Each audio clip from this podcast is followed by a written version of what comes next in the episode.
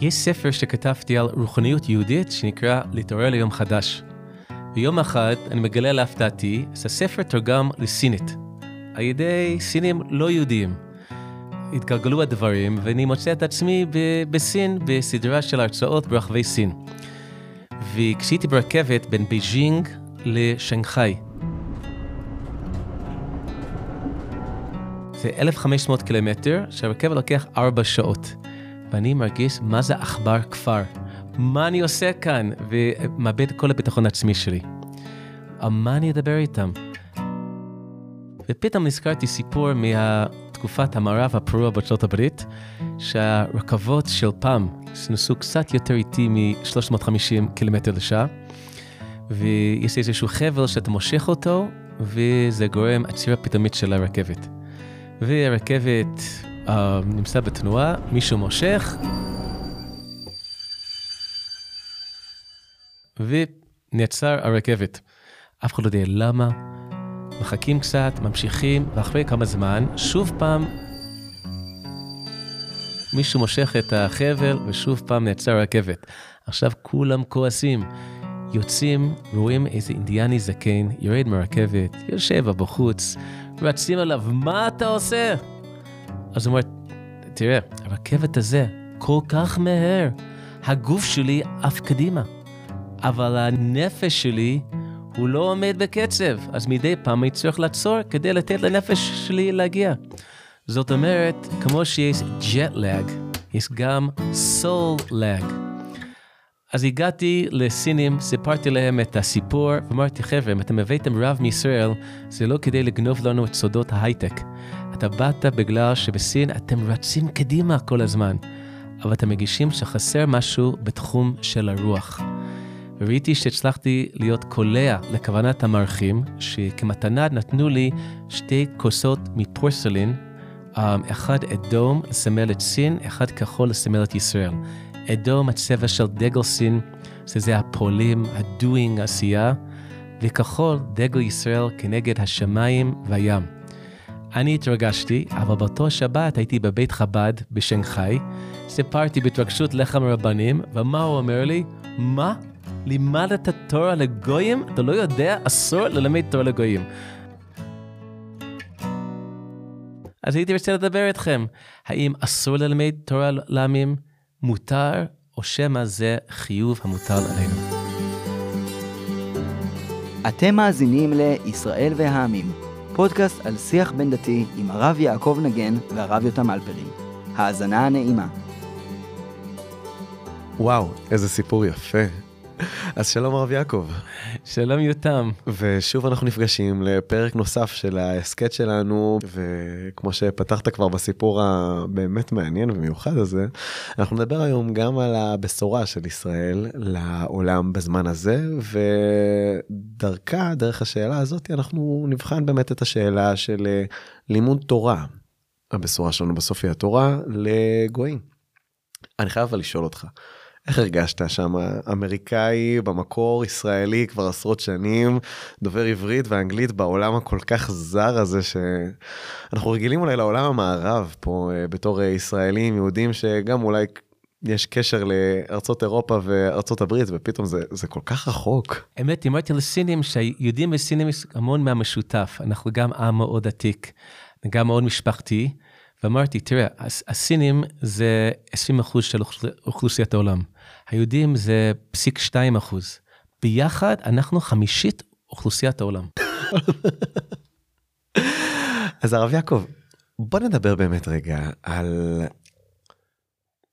אחת ההנחות היסוד, הנחות, נראה לי הנחות העבודה הבסיסיות שלנו, שאפשר להגיד שיש עליהן די קונצנזוס די רחב, בסוף אי אפשר להתווכח עם הפסוקים. לפעמים אפשר להתווכח עם הפסוקים, אבל יש פסוקים שאני חושב שיש עליהן הסכמה די רחבה. כי מציון תצא תורה ודבר אדוני מירושלים. יש לנו הסכמה רחבה מאוד בין הרבה קצוות שבסוף יש לנו בשורה. אנחנו נשים רגע בצד את שאלת השיח הבין דתי שאולי אנחנו נרחיב עליה קצת בפרק הזה ונקדיש לה את הפרק הבא יותר לעומק של איך כמה ולמה כשיח אבל יש לנו מה ללמד יש לנו מה להביא יש לנו מה להגיד לעולם יותר מזה. כיהודים אנחנו מאמינים שהעולם צריך לשמוע את מה שיש לנו להגיד. אבל המורכבות היא, היא, היא נמצאת גם כן. אה, מצד אחד כי מציון תצא תורה, ומצד שני, אותה תורה, האם בכלל לגוי מותר ללמוד תורה? בוא נדבר על זה רגע. תראה, מה שמאוד באמת עצוב לי, שכמעט כל אדם שאתה שואל שאלת לשתף את העולם עם תורה, הדבר היחיד ש... הראשון שיעלה להם זה באמת דברי רבי יוחנן, שגוי שלומד תורה חייב מיתה. אבל שאלה איך אתה, איפה אתה מתחיל? אם אתה מתחיל מאמירה בגמרא, או, או אתה מתחיל מהתורה. הייתי מתחיל עוד לפני ספרי הנביאים. אברהם, יצחק ויעקב נברכו ונברכו בכם ואת המשפחות האדמה. כשמגיעים להר סיני, מקבלים את התורה בהר סיני, כמעט הדבר הראשון שאומרים לנו, שנהיה ממלכת כהנים לגוי קדוש. אנחנו כהנים, כהנים עבור מי? עבור עמים. ובאחרית הימים יש את ה... להיות נבואות להיות לאור גויים, שזה אחד מהשיקולים שמדינת ישראל בחר מנורה כסמל המדינה, וכמובן, כי מציון תצא תורה דבר השם ירושלים. ולכן השאלה מה הכלל ומה יוצא מן הכלל. בעיניי, הכלל הוא לא רק שמותר, אלא זה חלק של ייעוד. המשמעות של להיות יהודי, של עם יהודי בעולם, הוא לשתף את התורה בעולם. יחד עם זה צריך להבין מה עומד מאחורי אותו אמירה בגמרא ש... שאוסרת על לימוד התורה. אבל, אבל לא לבלבל מה הכלל, מה החיוב ומה המציאות החריגה. עוד רגע אני אתייחס לדברים האלה שאמרת, בטח גם על הפסוקים ועל הרובד המוקדם יותר של התורה ושמה שאתה כינית אותו עכשיו הכלל, אבל שנייה, let's face it, הלכתית, יש לנו פה מורכבות. איך אנחנו פותרים אותה? איך אנחנו מתייחסים אליה? בוודאי ההתמודדות צריך להיות מתוך השפה ההלכתית וכלים הלכתית. כי אי אפשר להגיד שלא מתחשק לי, לא מתחבר לאיזה מירה ש... שמופיע בתלמוד. בתלמוד נאמר שגוי שלומד תורה חייב מיתה, למה? בגלל שתורה זה ירושה לעם ישראל, וזה סוג של גניבה. אז השרידי אש, אחד מגדולי הרבנים של המאה הקודמת, מסביר את זה על רקע הנצרות הקדומה. בפולמיס היהודי הנוצרי בנצרות הקדומה, הנצרות הקדומה טענו, אנחנו ישראל החדשה. הברית בין עם ישראל, ישראל שבבשר, והקדוש ברוך הוא, ו, והופסק, ועכשיו התורה שייכת אלינו, אנחנו חיים את הברית החדש בינינו לבין אלוהים. אז בהקשר כזה, זה גניבה ספרותית. להגיד שהתורה לא שייכת לכם, שייך לנו, אני מבין את דברי רבי יוחנן. אבל שוב פעם, זה דבר שצריך תמיד לבחון אותו, זה לא יסר מהותי, צריך לבחון אותו לפי הקשר. בימי הביניים, הרמב"ם אמר בדיוק הפוך. הרמב"ם אמר, לנוצרים ניתן ללמד תורה, שהם מכבדים את כתבי הקודש, אבל יש בעיה עם מוזלמים. ולמה? שבזמן הרמב"ם היה פולמוס של האסלאם נגד היהדות, שטענו שהטקסט של התורה שלנו הוא עבר כל מיני קלקולים, וחיפשו כל מיני הוכחות לראות, לצאת נגד לגיטימית של, של התורה. אני חושב שיש פה עוד היבט נוסף ואם אנחנו רגע מתעכבים עכשיו בתחילת הפרק שלנו על ההיבט ההלכתי. ואם אנחנו נשוב לדברי הגמרא שגוי שלומד תורה חייב מיתה אה, רבי יוחנן שמה בגמרא אומר מילים מאוד מאוד מעניינות נוכרי שעוסק בתורה אם נפתח את מסכת סנהדרין אנחנו נגלה שהוא משתמש בביטוי מיוחד נוכרי שעוסק בתורה חייב מיתה. ואם אני אקפוץ רגע בפרשנות קדימה צריך לבוא ולהבחין אה, הבחנה משמעותית בין תורה שבכתב, שהיא דבר השם לעולם, לבין תורה שבעל פה, שהיא גם כמובן דבר השם בעולם, אבל דבר השם המתפתח על ידי האדם. ותורה שבעל פה היא איזשהו נכס מיוחד לישראל שהוא בברית המיוחדת בין עם ישראל לריבונו של עולם שאי אפשר לבוא ולקחת אותה רגע החוצה יש בה ממד אפילו אה, אינטימי בין mm-hmm. ישראל לריבונו של עולם ושם באמת לגויים אין מקום אבל אם אנחנו נשוב ונסתכל ונתבונן בתורה שבכתב אז אנחנו באמת יכולים לראות גם את הדברים שאמרת קודם על זה ש...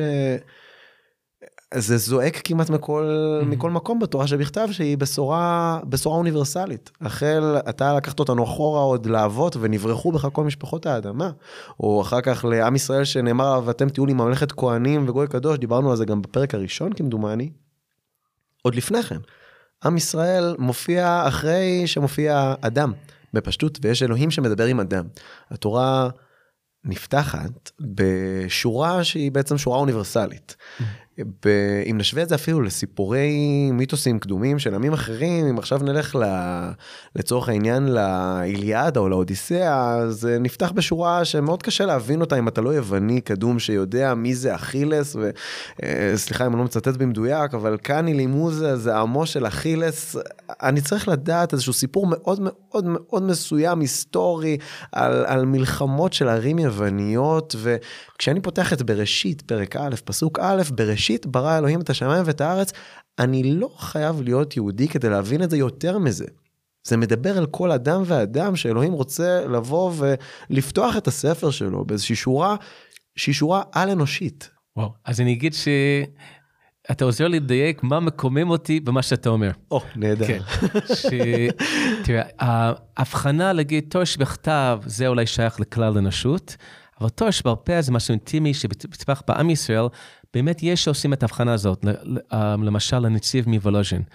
מה שקשה לי עם הדבר הזה, זו שאלה באיזה חלק של ההיסטוריה יש תפקיד וייעוד לעם ישראל בעולם. לפעמים יהודים אוהבים להגיד, אנחנו נתנו לעולם את המונותאיזם ואת ההומניזם ואת הזה וזה וזה, הכל טוב ויפה. אז בסדר, לפני אלפי שנים כבר הגיעו התואר שבכתב לאנושות, לנצרות, התגלגל באיזה וריאציה לאסלאם, והגיע לעולם, אז זהו, אז עם ישראל יכול לצאת לפנסיה לפני איזה אלפיים שנה, וזהו. אני חושב שהתואר שבעל פה, שהוא הרוח החיה של עם ישראל, שמתפתח עם, עם המציאות, שנמצא בשיח עמוק עם המציאות, דווקא תואר של פה, זה מה שיש לנו לשתף לעולם. אחרת אנחנו באמת, עבר זמננו והיינו צריכים לרדת מהבמה העולמית לפני אלפיים שנה. ולכן, תואר שבכתב זה אחלה, אבל תואר שבעל פה, עם עם ישראל, רלוונטי לזמננו, אם יש משהו להגיד, זה חייב לכלול גם את התואר שבעל פה. וגם את הקבלה וגם את החסידות וכל מה שהרוח היהודי התפתח, שימשיך להתפתח במהלך הדורות. יש בי צד שנוטה להסכים איתך. אבל אני חושב שאם נתייק רגע את המושגים, אזי שאולי אמ, אנחנו חלוקים בעצם על ההבחנה בין המושגים. מצד אחד אני אומר לעצמי ודאי שאתה צודק. הרי התורה שבכתב כבר אה, מוכרת לכל ויותר מזה הרי היא עומדת בבסיסם של הנצרות בתור הברית הישנה של האסלאם שאוחזים בה בתור הספר אה, ש, ש, שעוד קדם לקוראן ומקבלים הרבה הרבה ממה שכתוב שם ולכן אוקיי אז מה אנחנו מחדשים להם היום? את הבשורה של תורה שבעל פה אבל אני חושב שיש פה שני סייגים שהייתי מסייג ובהם אני לא בטוח שאני מסכים איתך. הסייג הראשון הוא לבוא ולהבין מה זה תורה שבעל פה. יש לנו הרבה מה לספר לאנושות ולתת לאנושות מתוך המסקנות שלנו של תורה שבעל פה ומה שמתרחש בפרשנות ובתרגום שלנו של דברו של אלוהים היום בתשפ"ב 2022 אבל אני לא בטוח של שלגוי יש חלק בתהליך הזה. ואם עכשיו אני מדבר על הבשורה שלנו אל האומות, כמו שאנחנו עוסקים בתורה שבעל פה, ולכן נראה שמילותיו של רבי יוחנן נוכרי שעוסק בתורה, המילה עוסק בתורה, נוכרי שמנסה לבוא ולדמות את התהליך שהוא עושה כמו תורה שבעל פה שעושה יהודי, אני לא בטוח שיש לזה מקום. גם על זה צריך לציין, יש מחלוקת בגמרא עצמה, ויש לנו שם דעה שאפילו נוכרי ועוסק בתורה הרי הוא ככהן גדול, אבל אנחנו לא, לא נפסוק עכשיו הלכה בעניין הזה. הסייג השני, אני לא בטוח שבאמת התורה שבכתב, כמו שאנחנו תופסים אותה, אכן הגיעה אל האנושות. אם אני אחזור על משהו שאני אמרתי, דיברתי עליו כבר גם בפרקים הקודמים, הרי שאנחנו נמצאים בזמן מיוחד מאוד בהיסטוריה, שבו אנחנו יכולים לבוא ולספר רגע את הסיפור שלנו, את הסיפור של עם ישראל ואלוהים, את הסיפור של התורה. ממקום שהוא ריבוני בארצו, לא מאוים, לא בגלות. ואני חושב שגם הנצרות וגם האסלאם, ושלא לדבר על שאר האומות, אם אנחנו מתייחסים עכשיו בטח למזרח ולסינים, שהם אה, אולי סיפור אחר שכבר הזכרת אותו, אני לא בטוח שאי פעם הם שמעו את הסיפור כמו שאנחנו היינו רוצים שהם ישמעו אותו. ולכן אני מרשה לעצמי להטיל ספק בשאלה האם אכן הגיעה בשורתה שהתורה שבכתב אפילו, רק תורה שבכתב.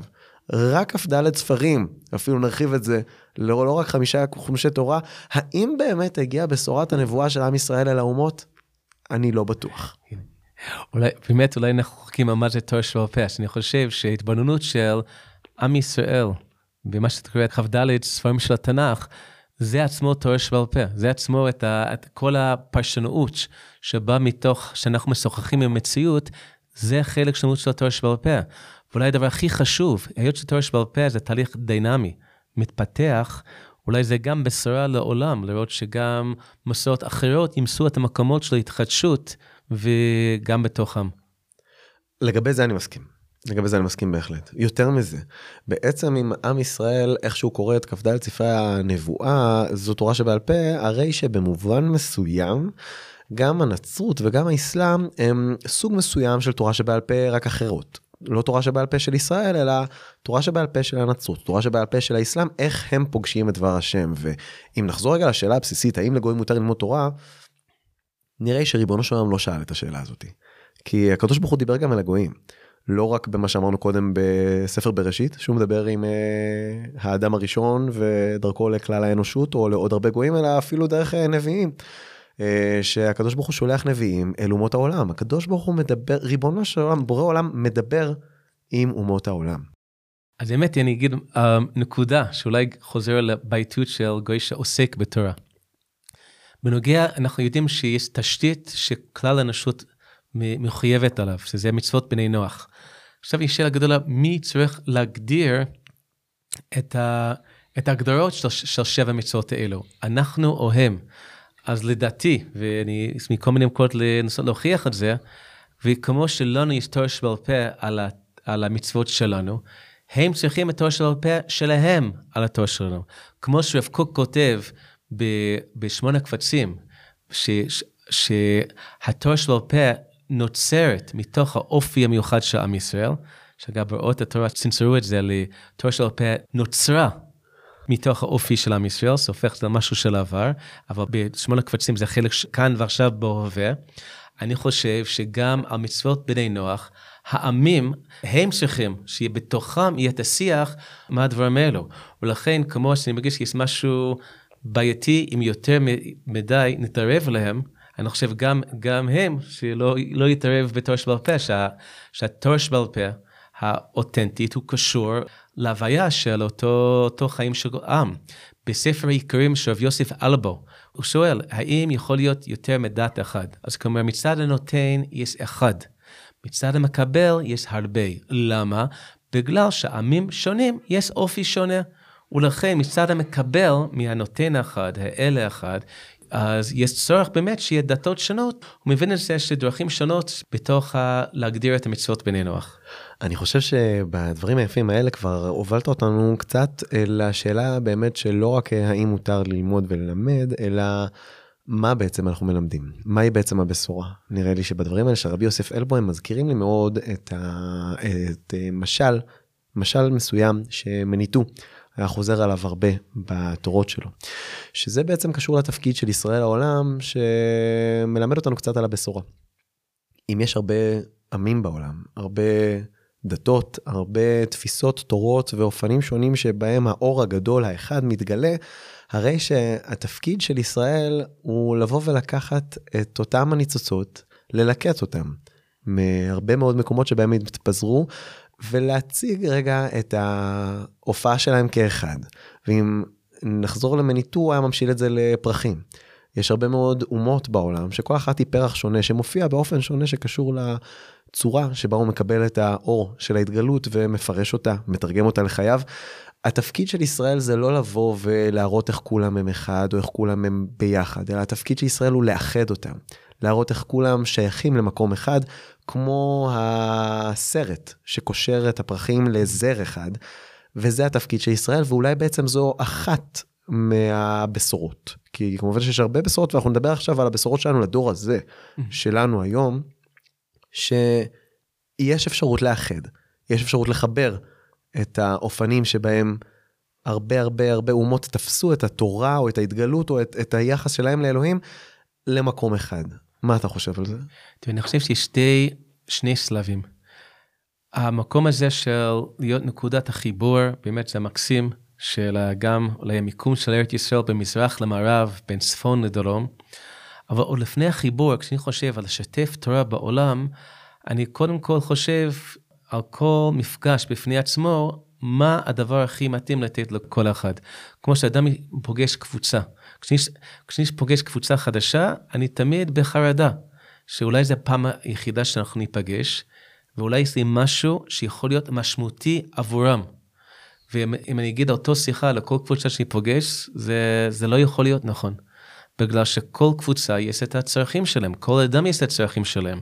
כשמדברים על תרבויות שונות ועמים שונים, צריך המון עבודה לראות מה יש לנו, מה יש בתורה שיכול להצמיח, אם אני חוזר לדימוי של הפרחים, יש לא רק לחבר יחד הפרחים, צריכים גם להצמיח את הפרחים. ו, ושוב פעם, אני לא רוצה לדבר בהתנסות, אני חושב שגם עם ישראל יש כל כך הרבה מה ללמוד מעמים. אבל אם כרגע הנושא הוא לא מה יש לנו ללמוד מעמים, אלא מה יש לנו לתת לעמים, זה לא יהיה זה או זה. זה צריך לראות בכל קבוצה בפני עצמה, מי עומד מולי, צריך ללמוד עלי, עליהם, להכיר אותם, מתוך זה לתת את מה שבאמת, לדייק את מה, מה הדבר הכי שהם זקוקים עליו. למשל, כשהייתי בסין, uh, לדבר על ערכי משפחה, אז כאילו, יש להם הרבה ערכי משפחה. אבל הבנתי שבסין, גם אמרו לי, שהמקום של האינדיבידואליזם, ריבוי דעות, זה דבר ש... שחסר, שאנשים מפחדים להביע דעה אישית. מרגישים זה לא מנומס לחלוק על מישהו אחר. ולכן אחד מההרצאות שלי למשל, לקחתי פתגם שאמר רב דוב זינגר בלוויה של שלושת הבנים ב-2014, מה זה עם ישראל? שני יהודים שלוש דעות, לב אחד. אבל היה סיפור ממש מתוק בזה. Um, נתתי הרצאה על זה, ונערה צעירה um, שואלת, רגע, למה קראת להרצאה שני יהודים, שלוש דעות, לב אחד? כדי להגיד שאנשים יכולים חילוקי דעות ולהיות בלב אחד ביחד, מספיק להגיד שני יהודים, שתי דעות לב אחד. מה זה השלוש דעות?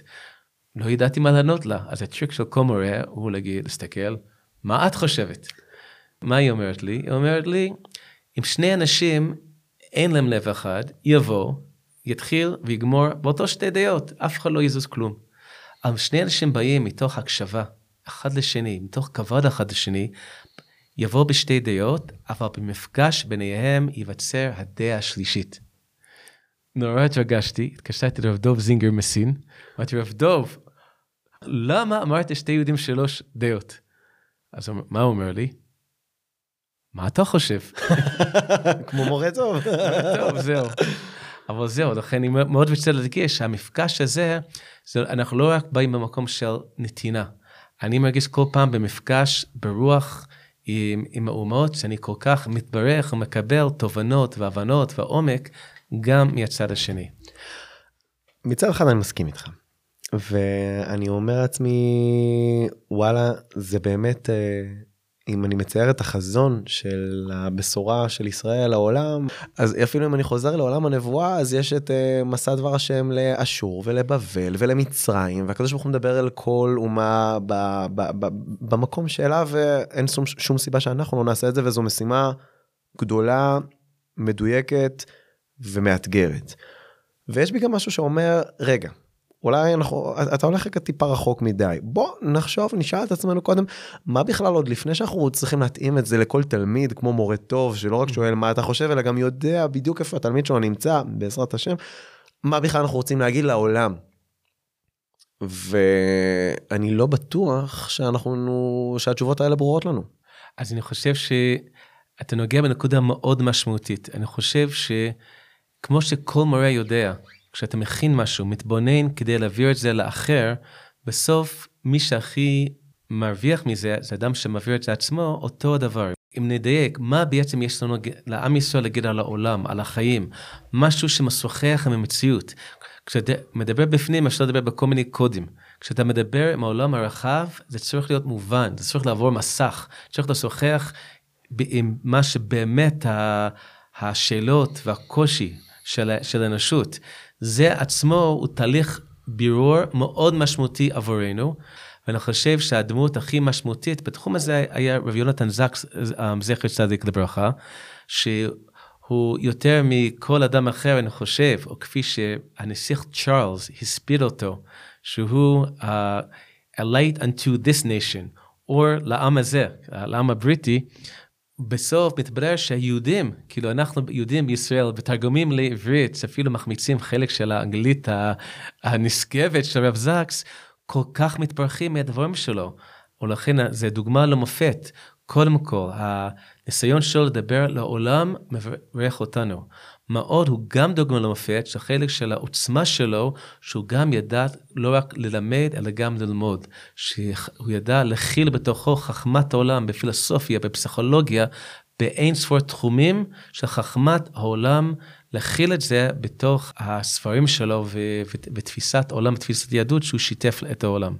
ואם אני אקח רגע את הדברים שלך צעד אחד קדימה, אני חושב שבעצם אחד האתגרים כדי לבוא ולענות באמת על, ה, על, ה, על הבעיה הזאת ולשאול את השאלות האלה, אנחנו חווים פה בעצם שינוי תפיסתי בתפיסה שלנו כיהודים. שאנחנו עוברים לחשוב על עצמנו גם כאזרחי העולם. אנחנו חושבים על עצמנו אפילו בשלב ראשוני יותר, עוד בשלב קדום יותר לשלב שלנו כישראל. אנחנו חושבים על עצמנו כאדם. דרך ארץ קדמה לתורה. בדיוק, זה ממש היה המשפט הבא שרציתי להגיד, שאנחנו חוזרים לשאול שאלות של דרך ארץ. לשאול שאלות של אדם שמתהלך בארץ, לשאול שאלות של אדם מול אלוהים, עוד לפני שהוא שואל את עצמו שאלה כעברי, כיהודי או כישראלי בשנת תשפ"ב. ואני חושב שהשינוי, השינוי התפיסתי, השינוי המחשבתי הזה מוליד לנו לא רק תשובות חדשות, אלא, אלא גם שאלות חדשות שיעזרו לנו לחדד את הבשורה שלנו לעולם. ובאופן הזה, נראה שכבר נמצאת אחת הבשורות החשובות שלנו לעולם בזמן הזה. ובאופן הזה אני חושב שכבר מסתתרת לנו אחת הבשורות שלנו הגדולות לעולם הזה, עוד אפילו לפני שאנחנו מתפרטים לכל אומה והבשורה שלנו אליה. אני חושב שלאורך ההיסטוריה, כשאנחנו שואלים את עצמנו שאלות אוניברסליות, אנחנו יכולים לראות ניסיונות רבים של אומות רבות ותרבויות רבות, גדולות וקטנות, לבוא ולהתוות איזושהי דרך חיים נכונים למפגש מסוים בין אדם סופי לבין ערכי הנצח שהם תפסו בהם, האמינו בהם, בין אם זה היה אלילים בזמנו, אידיאלים, אידאות אפלטוניות או רעיונות נשגבים בתרבויות אחרות, ואני חושב שאחת הבשורות שתורת ישראל מבקשת להעניק לעולם דרכנו, היא שהדבר הזה הוא אפשרי. אדם יכול לחיות עם אלוהים, עם אלוהים חיים בתוך חייו. אדם יכול לפגוש את אלוהים. אדם יכול לשמוע את דברו של בורא עולם, ואפילו לדבר אליו חזרה. ופה יש איזושהי בשורה ענקית בעיניי, שאולי אפילו כלפי עצמנו אנחנו עוד לא פיתחנו אותה מספיק, עוד לא פיצחנו אותה מספיק, ואנחנו צריכים לבוא ולהעמיק בה שמתוך הנחת היסוד הזאת בכלל שזה אפשרי. חיים של אדם ואלוהיו, בשיתוף, בשותפות, על כל המשתמע מכך, עם כל הסייגים והקושיות שזה מעלה, עצם ההנחת יסוד הזאת היא שבכלל יש לנו אפשרות לגעת בדבר השם ולהפיץ אותו בעולם. ברעיון הזה עצמו, אני חושב שמסתתרים הרבה הרבה ניצוצות של בשורה שאולי אנחנו צריכים לעסוק בה. אז המקום הזה של היכולת של הסופי של האדם להתחבר עם האין סופי האלוהי ו... כן, הרב יעקב וואי, ניסחת את זה פתאום במשפט אחד שמתמצת את כל מה שניסיתי להגיד במחשבות הארוכות האלה. מפגש בין אדם סופי לאלוהיו האין סופי. עם ישראל אומר, חבר'ה, זה אפשרי. בשבילי זה מחזיר אותנו למה שבעיניי באמת הבשורה של אברהם אבינו. בספר קבלי עתיק, ספר הבהיר, כתוב אברהם בגמטריה בצלם אלוהים. ורב קוק מתחיל את ספרו לנבוכי הדור, שאדם נברא בצלם אלוהים, זה היסוד של כל התורה. אז הייתי אומר שהיסוד היהדות זה לא התפיסות אלוהיות, ולא תפיסות האדם, אלא למעשה החיבור בין אדם לבין אלוהים. את האופק הזה, האופק של שותפות, אופק שהסופי יגיע לאין סופי. ואני מרגיש שהיסוד האדיר הזה, בכל תקופה מקבל לבוש וצורה אחרת. אני חושב שהיה תקופות שהיה חיוני לבסס את, את מושגים של קדושת החיים. הרעיון הבסיסי שאדם נברא בצלם אלוהים, המקום שצלם אלוהים מתרגם למציאות כאן וקדושת החיים, לדעתי זה בתחום של הזוגיות. אני חושב שאם יש משהו לתורה להציג לעולם, זה התפיסה עמוקה של זוגיות. זוגיות של מפגש וקשר במערכת יחסים, דבר שגם ברוחיות של המזרח, אני חושב מאוד חסר. אני זוכר שהייתי בבשם שוויאננדה, ודיברו על באמת להעלות את הקודש באוכל, אז אמרתי, אבל מה עם זוגיות עם איש ואישה, וזה כבר too much, כאילו הם, הם נזירים שמה. וגם יש את הטנטרה, אבל זה עוסק עם מיניות, לא, לא עם מערכות יחסים. ו, ואני חושב שבתוך התפיסות של הקבלה, בזוהר הקדוש, ברי הקדוש, שהמשמעות של זוגיות נותן לנו נתיבים להתחדשות המוסד הזה שכל כך נפגע בכל כך הרבה צורות. בוודאי רב יונתן זק דיבר על משפחה, אבל דיבר בשפה מערבית רציונלית, וזה נפלא ונהדר, אבל יש קומות נוספות, שכרגע זה לא מקום שאפשר להרחיב בו, אולי לעשות פודקאסט נפרד על הדבר הזה, על זוהר וזוגיות, על איך מתוך העולם של הקבלה, בפנימיות התורה, איך זה מחיה ומכוון את הזוגיות, זוגיות שהופך להיות המסע הגדול של החיים. אז זה מן הבשורות שאני מרגיש עלינו ללמוד בעצמנו, ואז לשתף את העולם. זה מעניין שאתה בוחר לדבר על זוגיות מתוך כל הרעיונות שעכשיו יכולנו לזרוק פה רגע לחלל האוויר בתור הבשורה של ישראל התורה שרצים לי עכשיו לפחות איזה עשרה רעיונות בראש אבל אני רוצה שנייה למשוך את הרעיון הזה של זוגיות כי הוא מאוד מתחבר בעיניי ומייצג את מה שאמרנו קודם על זה שהחיבור בין סופי לאין סופי הוא אפשרי ולקחת אותנו אחרי שאמרתי את זה לצלם אלוהים. ולמעשה צלם אלוהים בתורה הוא זכר ונקבה, שנבראו ביחד בצלם אלוהים, והם יחד מהווים את צלם אלוהים. שעוד לפני שאנחנו נבוא ונשאל את עצמנו מה הבשורה לסינים או למוסלמים או לארצות הברית או לאפריקה, יש כמה בשורות בסיסיות. והרעיון הזה של אחדות ההפכים, של זכר ונקבה שהם ההפכים אולי המובהקים ביותר במציאות, אחדות ההפכים מעידה שאפשר לחבר גם שמיים וארץ. אחדות ההפכים הזאת של זכר ונקבה, של זוגיות, היא בעצם כמו מעין בניין אב, להבין את הבשורה של התורה על העולם, שכיוון שלקחת אותה, אני רוצה להשתמש בה, להבין שאפשר לאחד הרבה דברים שהם נראים שונים. אחדות ההפכים, איחוד המידות למעשה, שמאפיין את בורא עולם שבו אנחנו מאמינים. ואני מסיים את הפרק הזה עם תובנה כפולה. אחת היא שאנחנו צריכים גם לחזור הרבה פעמים על הרעיונות הגדולים כלפי עצמנו. אם הזכרת את הרב יונתן זקס, לקרוא את התורה בגדלות, לפי הכללים של התורה, המבואות של התורה, וככל שנתחדד עם עצמנו נבין גם את הבשורה כלפי עצמנו, ואז גם נוכל לצאת אל העולם. והדבר השני הוא, שאם הזכרת קודם את זה שכמורים לעולם, ככהני העולם, אנחנו צריכים להכיר את אה, מי שאנחנו היינו רוצים להביא אליו את הבשורה, עכשיו צריך לשאול את, הבשורות האלה, שדיברנו ממש על uh, מעט מזער מתוכן, ואולי רק על כמה רעיונות מייצגים מתוכן, איך אנחנו מתרגמים אותם אל קהל השומעים המתאים, בין אם זה מזרח או מערב, צפון או דרום, מה שאולי יוליך אותנו לפרק הבא, שמדבר על השיח הבין-דתי כשיח. תודה יותם, מחכה לפרק הבא. תודה רבה, הרב יעקב. האזנתם לישראל ועמים. ניתן למצוא אותנו בכל אפליקציות הפודקאסטים החביבות עליכם. נהניתם? ספרו על הפודקאסט לחברים שלכם. ספרו לנו. פרטים ליצירת קשר תוכלו למצוא בתיאור הפרק. תודה גדולה לאלעד שדות שעורך אותנו ולאולפן הסכתים בטורקיז על האירוח. ותודה לכם המאזינים שהייתם איתנו, ניפגש בפרק הבא.